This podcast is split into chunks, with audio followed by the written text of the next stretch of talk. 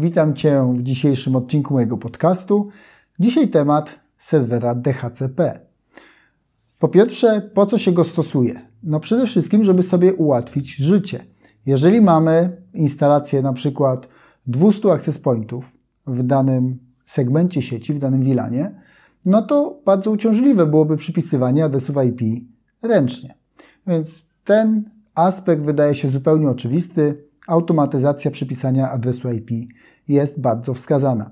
Przynajmniej w niektórych scenariuszach. Bo oczywiście pewne adresy IP trzeba przypisać ręcznie. Na przykład adres IP serwera DHCP. Sam od siebie przecież nie może dostać adresu IP.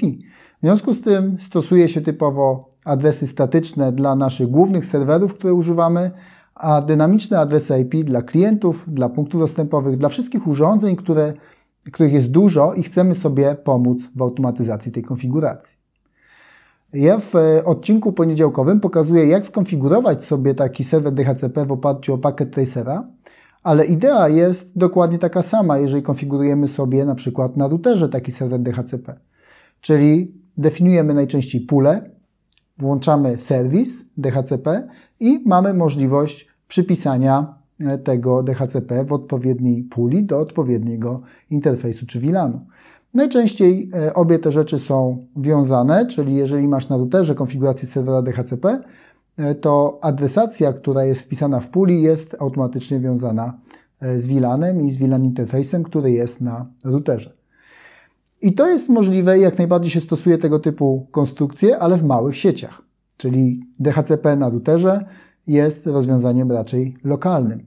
E, często stosuję na przykład takie rozwiązanie DHCP dla sieci gościnnych e, Wi-Fi, gdzie mamy natowanie do innej adresacji wewnętrznej danego przedsiębiorstwa. I wtedy ten serwer na punkcie dostępowym czy na routerze ma sens.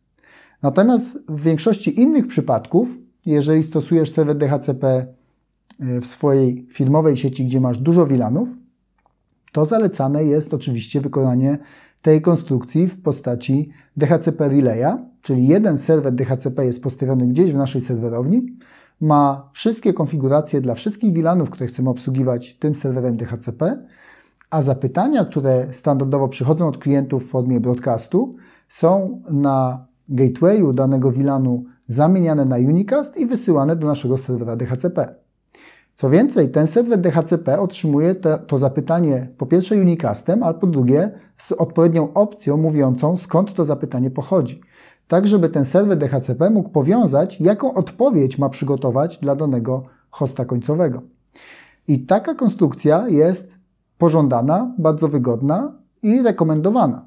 Łatwo się tym zarządza, jest spójność w adresacji, jest spójność w sprawdzaniu e, rezerwacji dla DHCP, Czyli domyślnie jest tak, że jak mamy dużo hostów, to ustawiamy jakiś czas rezerwacji adresów IP dla danego VLANu e, w opcji puli i rotujemy te adresy IP po to, żeby ich nie marnować. Takie jest jakby główne założenie.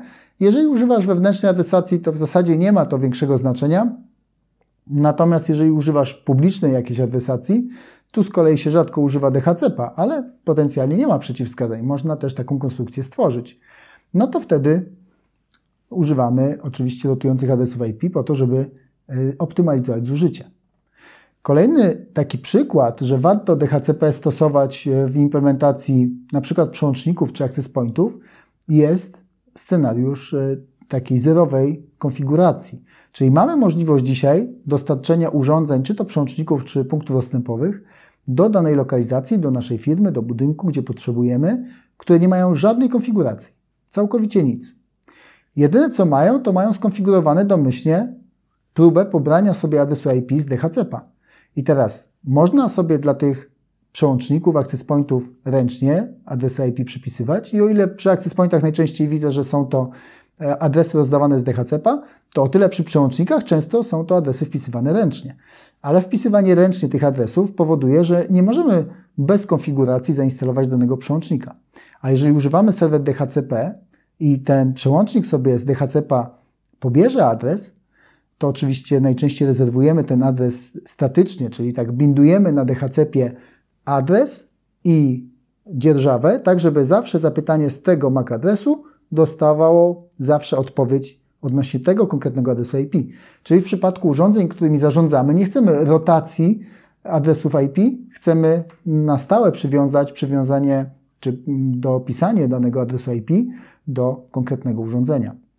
I jeżeli tak zrobimy, to mamy możliwość oczywiście e, wykorzystania wtedy kolejnych mechanizmów, które już opierają się o IP, bo przełącznik ma adres IP pobrany z DHCP-a. Więc coraz częściej e, ja zachęcam wszystkich do używania i coraz częściej widzę, że jest używany DHCP do przypisywania adresów IP dla interfejsów zarządzania danymi urządzeniami. Jeżeli chciałbyś zobaczyć, jak konfigurować takiego DHCP-a, to już wspomniałem, że w poniedziałek możesz zobaczyć e, w odcinku wideo, jak to zrobić. Bardzo podobnie to wygląda na routerach, też jest definicja tej puli, skopu.